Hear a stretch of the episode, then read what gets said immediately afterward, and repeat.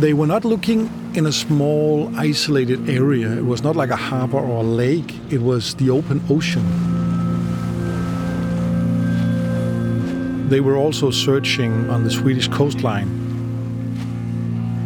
They were constantly hunting new knowledge to try to figure out how to find the remains.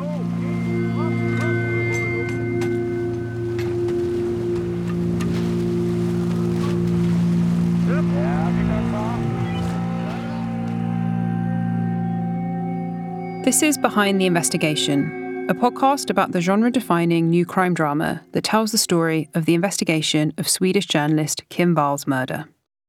I'm your host, Anna Cojurado, and you have joined me on episode three of the show, which is all about truth. The investigation centres around Jens Møller, who led the team of detectives that solved the murder of Kim Wall. And as we see in the show, in solving the case, Jens upheld an unshakable commitment to uncovering what really happened to Kim. I am delighted that the real life Jens Møller is here with me today to tell us more about how he went about conducting that investigation. And I'm also joined by the writer and director of the series, Tobias Lindholm. Before we hear from them, just a quick warning that this podcast does talk about a violent crime, which some listeners may find distressing. And I did want to just say that while the investigation is based on real life events, there are some spoilers for the TV show in this episode.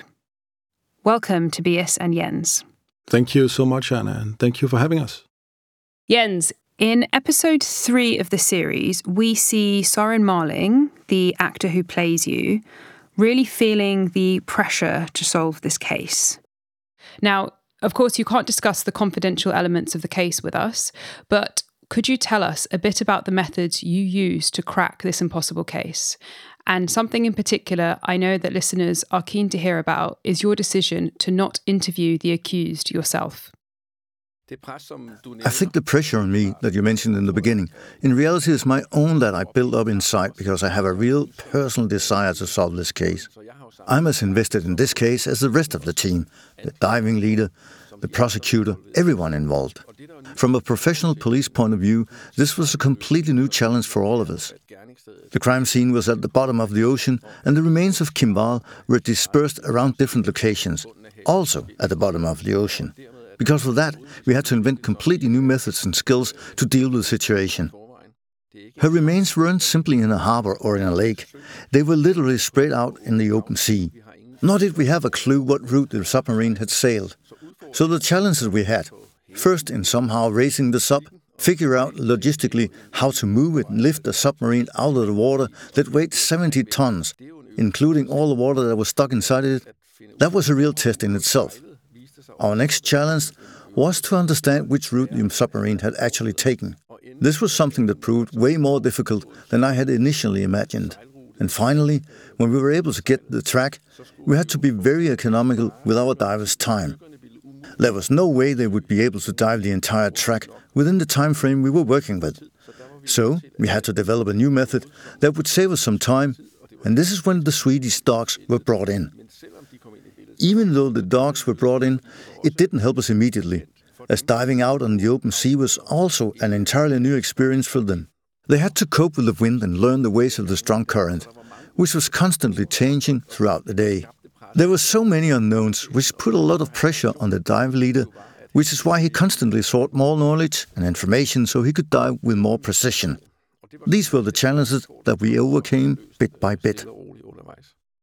So, in the TV show, we never see the accused, and that's a very deliberate storytelling device.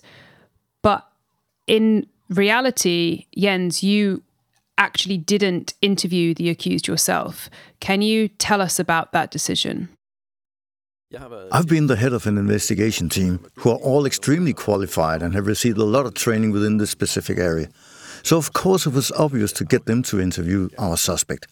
In addition, the interviews with our suspect in this case were unlike most, due to the fact that they needed a fair degree of technical insight, because the suspect came up with very lengthy and highly technically detailed explanations about the engineering of the submarine, how it operates, and told elaborate stories about what took place, which had to be invalidated or confirmed as correct. And to analyze this clearly, you need years of interviewing experience plus a great understanding of the intricate technicalities of a submarine. So we chose a police officer who was specifically qualified for this.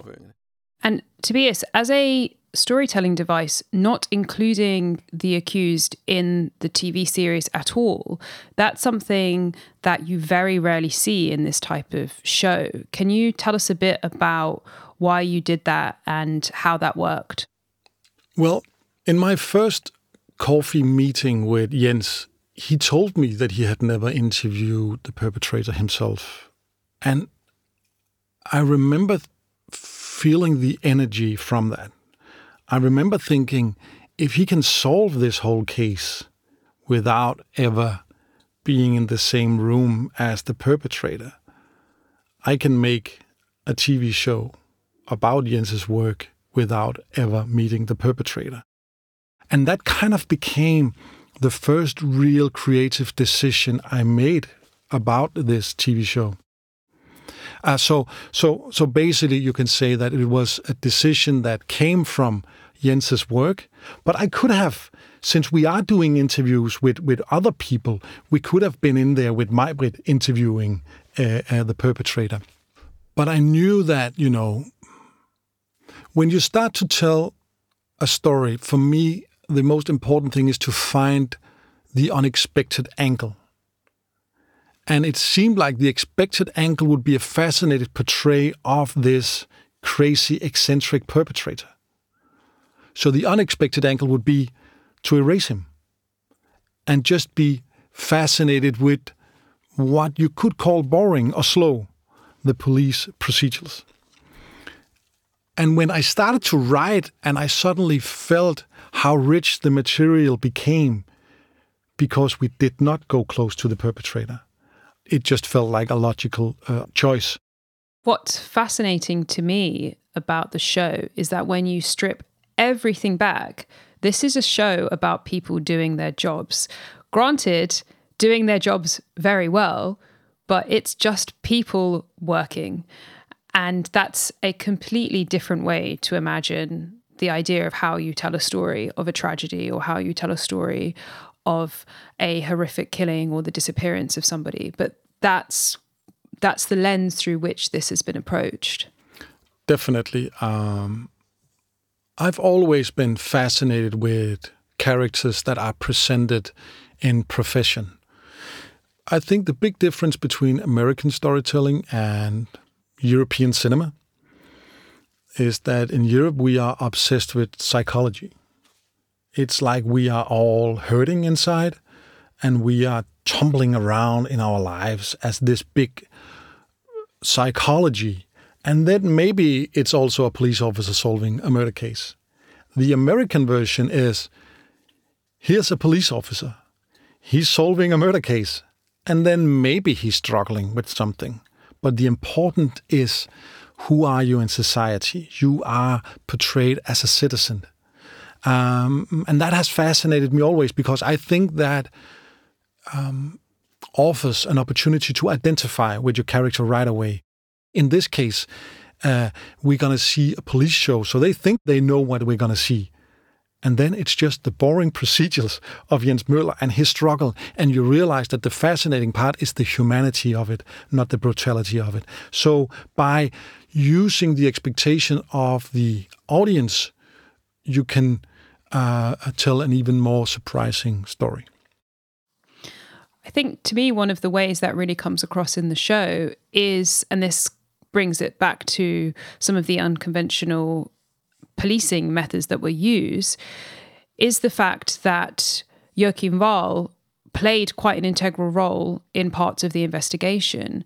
And he really wanted to take an active role and actually helped with either some ideas or even in some cases making a few calls to um, to other officials to get help things move along.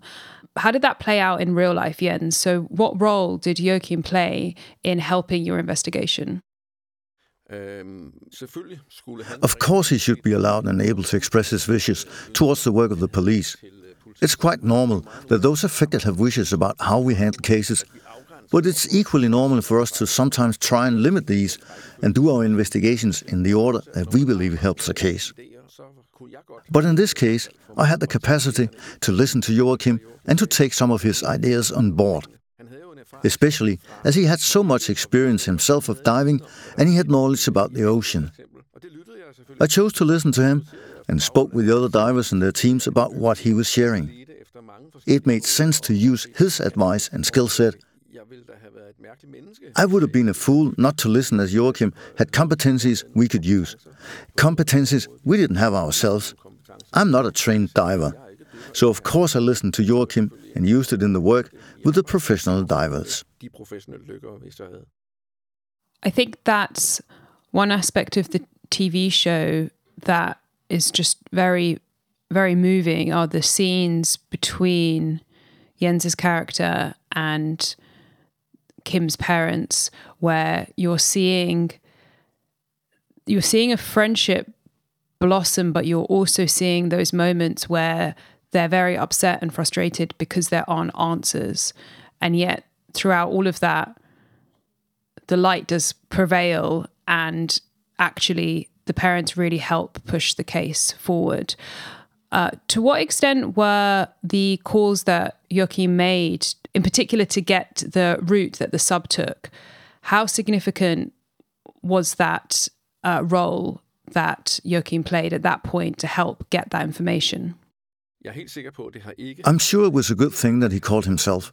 The fact that a father, whose daughter had gone missing and had been murdered, decides to call and speak with the operator himself means that they start to really feel this special presence that always surrounds Ingrid and Joachim.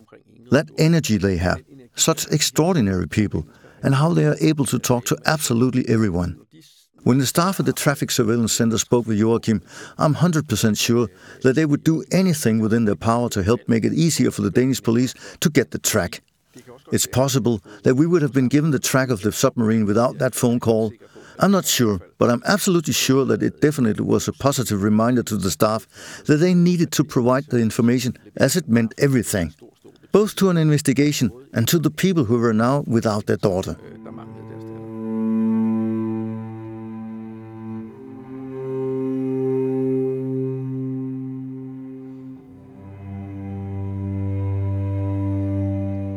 Tobias, I want to go back to something that you said earlier about how you wanted to erase the perpetrator from the story. What I found really fascinating to watch is that Kim, of course, isn't in the show, and yet her her spirit and her story is just so alive in all of the episodes. And it's such a contrast where you you know you have these two characters who who aren't there, the perpetrator and the victim, and yet this really is a story where the victim is very much at the forefront of our minds throughout the show. And whereas with the perpetrator, we don't really give him much much thought. He's he's very much in the background. How did you achieve that? How was that something? What are some of the devices that you use to make sure that we very much humanize Kim and have her as part of this story, even though there is no physical manifestation of her in the show? The, first of all, the biggest cliche in the genre of crime um, is that a male writer writes a story about another male that kills a female and a third male who investigates the case and solves it. In that story, the victim is the female, and the rest is focused on these men doing good and evil in the world. And that's a very boring tradition in this case, by erasing or removing the perpetrator from the story. I already had an original angle to the story because suddenly I would need to spend my camera time somewhere else. I could not, in the writing, allow myself to go into that room and write fascinating conversations between two men in a room talking about life and evilness, as we have seen so many times. I forced myself to write about conversations between an investigator and grieving parents. And that alone gave us original, totally new scenes that have not been seen before. And it also allowed me to to make not a portray of Kim because this is not Kim's story, it's the story of Jens Møller and the story of the investigation. But Ingrid and Joachim represents Kim in a way. And for example, in, in episode uh, two, uh, Jens has asked for permission to look through uh, Kim's computers and hard disks to look for for traces uh, to see if there are any connection between the perpetrator and Kim. Did they know each other? Is there any Facebook messages, emails, and so on? And Ingrid and Joachim brings the computers to the police station as they did in, in, in real life. And quite fast, the police realized that there's nothing there that connects Kim with the perpetrator. But what is there is a proof of life. The life that brutally has ended, but a very important life that spent a young female that spent her life telling other people's stories. And by doing that scene, instead of wasting time with the perpetrator and trying to understand him, this scene allowed me to spend my time with the journalist Kim Wall and understand some of the stories that she spent her life telling. And luckily, Ingrid and Joachim would provide details, and luckily, uh, Kim's colleagues would allow us to portray this real article. So when you watch episode two and there's a portray of a story that they've created out or wrote out in, in Marshall Islands, it's the real footage taken by the real colleagues. And it's Joachim's real explanation about that story that is put out there by Rolf.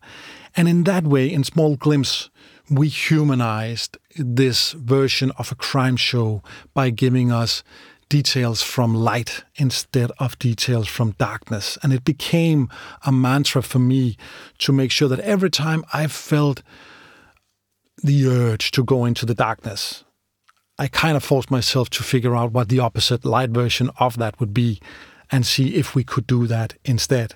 Um, so, so, so that became this this TV show, The Investigation, and for me, that's what basically distance it from from a lot of other uh, crime shows is that we don't spend time with him.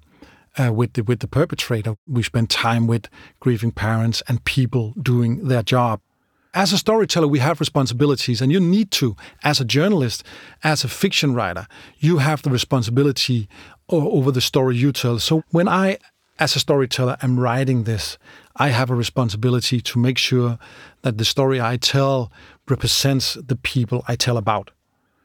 And the only way I could do that was to listen very carefully to what Jens had to tell and what Ingrid and Joachim had to tell. And they offered so much that if I was just willing to focus on that, it was possible to make a human version of, of this terrible, uh, terrible tragedy.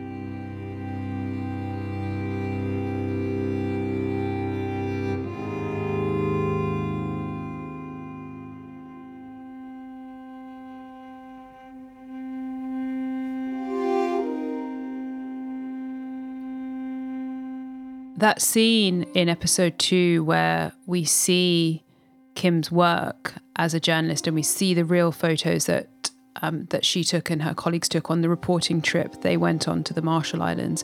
It's a really, really powerful scene. And also, there is such a contrast in that scene because we spent a good few minutes learning about her work and seeing these incredible photos and, and hearing about the important story that she's told there in the Marshall Islands. And then in the same scene, we hear about the tabloid journalists who are running these unconfirmed rumors about her and these very grotesque stories that aren't even based in any truth. And we just see a real contrast and we see the kind of journalist that Kim was and what she stood for. and she's the complete opposite of those tabloid journalists who are who have you know very little ethics and who are running inappropriate stories. Um, Jens, I'd love to hear from you what it was like to be in that real scene in that room with her parents and looking at her work and seeing those photos and learning about Kim through the work that she did and getting a sense of who she was from the kinds of stories that she told. The whole experience was very emotional. The scene itself was very authentically described by Tobias. It's true that when I called and asked Ingrid and Joachim for the computer, naively thinking they would say yes, they immediately declined my request. They said that they could not just allow me access, as it could be full of confidential information about people Kim might have spoken with in the past. Any misuse of this information could literally mean life or death for those people. This scene is completely authentic, as they described it to Tobias, and the solution is also completely true. They end up traveling from Sweden to our office in Copenhagen, where they sit with me and explain why they need to go through the process in this way, and I have one of my investigators with me as well, to have a look at the information on the laptop. I've gotten to know Kim Wall as I've been working on the investigation, and that has been strange. As a professional police officer, you always try to gather information about a person from interviews with relatives, but in this case, I learned more about Kim than I had learned about other victims in the past. The third episode of the show is particularly moving because it's the one in which we find out that there is a DNA match for Kim. And so that's where we have the confirmation that she has, in fact, died. And Jens calls a press conference straight away after informing the family of the find. In that scene, we see Jens's character squinting under the flashing lights of the camera just for a second, but that really captures the weight of the pressure on him. Now, Tobias, I know that you took a particular interest in the press conferences that Jens conducted during the investigation, and specifically his statements. Can you tell us about how you studied them to help inform the way you created the series? The only knowledge I have of Jens uh, before I started to do the research for this TV show was through these televised press conferences where this very serious man would um, be in front of a lot of microphones and inform the public of uh, of what had happened. And then when I uh, talked to Jens and started to have meetings with him, I realized that the big fascination was the control that he presented in those press conferences, opposite the chaos that his stories to me uh, would represent behind the closed doors. So, as a citizen, I had watched this police chief in full control inform the press. And suddenly I realized that he was not in full control, that he didn't know all this, that he was emotionally torn apart, that there was so much uh, stuff going on that he could not uh, tell at these press conferences. And I realized that I had actually remembered some of them, that they really um, left an impact. So I decided to make sure that all the press conferences we did would word by word be accurate. So all the misspeakings, all the small mistakes that you do when you just speak, I would ask Søren Malling to copy it 100%. And by doing that, you realized how a big mess language can be when you try to write exactly what people are saying because you know when you're just speaking together it makes sense but suddenly writing it is something very different so it was very hard for Søren to memorize all of Jens's mistakes uh, uh, because normally your your own mistakes comes naturally, uh, but to to get to know, just to learn all those words, but then to learn them in a way that just didn't make sense, uh, was interesting. But I wanted to make sure that people could go into YouTube when they had watched these episodes and they could find these press conferences and they would realize that I hadn't dramatized anything. It is exactly what was said on that exact day. And I would use that to remind me and everybody else in the film crew that this is real. This is not a story that we made up to entertain anybody. This is real. And and and, and this became the glue that could, you know, glue our fictionalized version to the reality that we were portraying. I want to add to what Tobias is saying here, because there's a very funny story attached to what we were just talking about. Søren Malling has, throughout the whole filming period, been amazing and happily allowed me to be on the set to observe. One day, when we were chatting, he said, Well, it's difficult to learn all these mistakes. And I said, Mistakes? What are you talking about? I haven't made any mistakes. We ended up watching some of the video clips of the press conferences, and then I realized what he meant. I definitely have a tendency to say um too many times or phrase a sentence the wrong way around. I thought that was quite a funny moment. I remember thinking to myself that those press conferences had gone really well, even though it wasn't anything big. But for Søren, it was difficult to try and learn all of these mistakes by heart. And I get that. Of course, it's normal to speak correctly and not the jumbled way I speak. And that was quite a funny moment we had, Søren and I. I was going to ask what it's like, what it was like for you to watch someone act out word by word what you had said in these press conferences. Yes, that was extremely surreal, especially due to the story that I just told. It's surreal to be spoken about in the third person because it's not something I've been used to before. I've just been really, really lucky that Tobias and Søren both could handle me being with them on the set, even though there were so many scenes to get through. And to join them every morning and hear Tobias's instructions to the entire team, that's a lot of people, about what was happening that day and referring to Jens Møller. In the beginning, it was weird for me, but later it became the norm to be referred to in the third person because it wasn't the real me. Of course, it was still very surreal to later see it all played out in front of my eyes. At that point, though, I'd had a year to get kind of used to it. But of course, some of the scenes that were recreated word for word was an intense experience for me to watch afterwards. And also during some of the recording days. I was thinking back to that day, thinking about my own feelings that I had that day when I held those press conferences and that has been emotional because some of those meetings were quite heavy. Especially the one you just mentioned, where we had just discovered the torso and two days later received the matching DNA. That was extremely overwhelming. Thank you again to both of you and for everything that we've discussed today. Thank you, Anna. It was a pleasure for both of us being here. You've been listening to Behind the Investigation with me, Anna Codgerado. A big thank you to my guests, Tobias Lindholm and Jens Møller, for joining us today.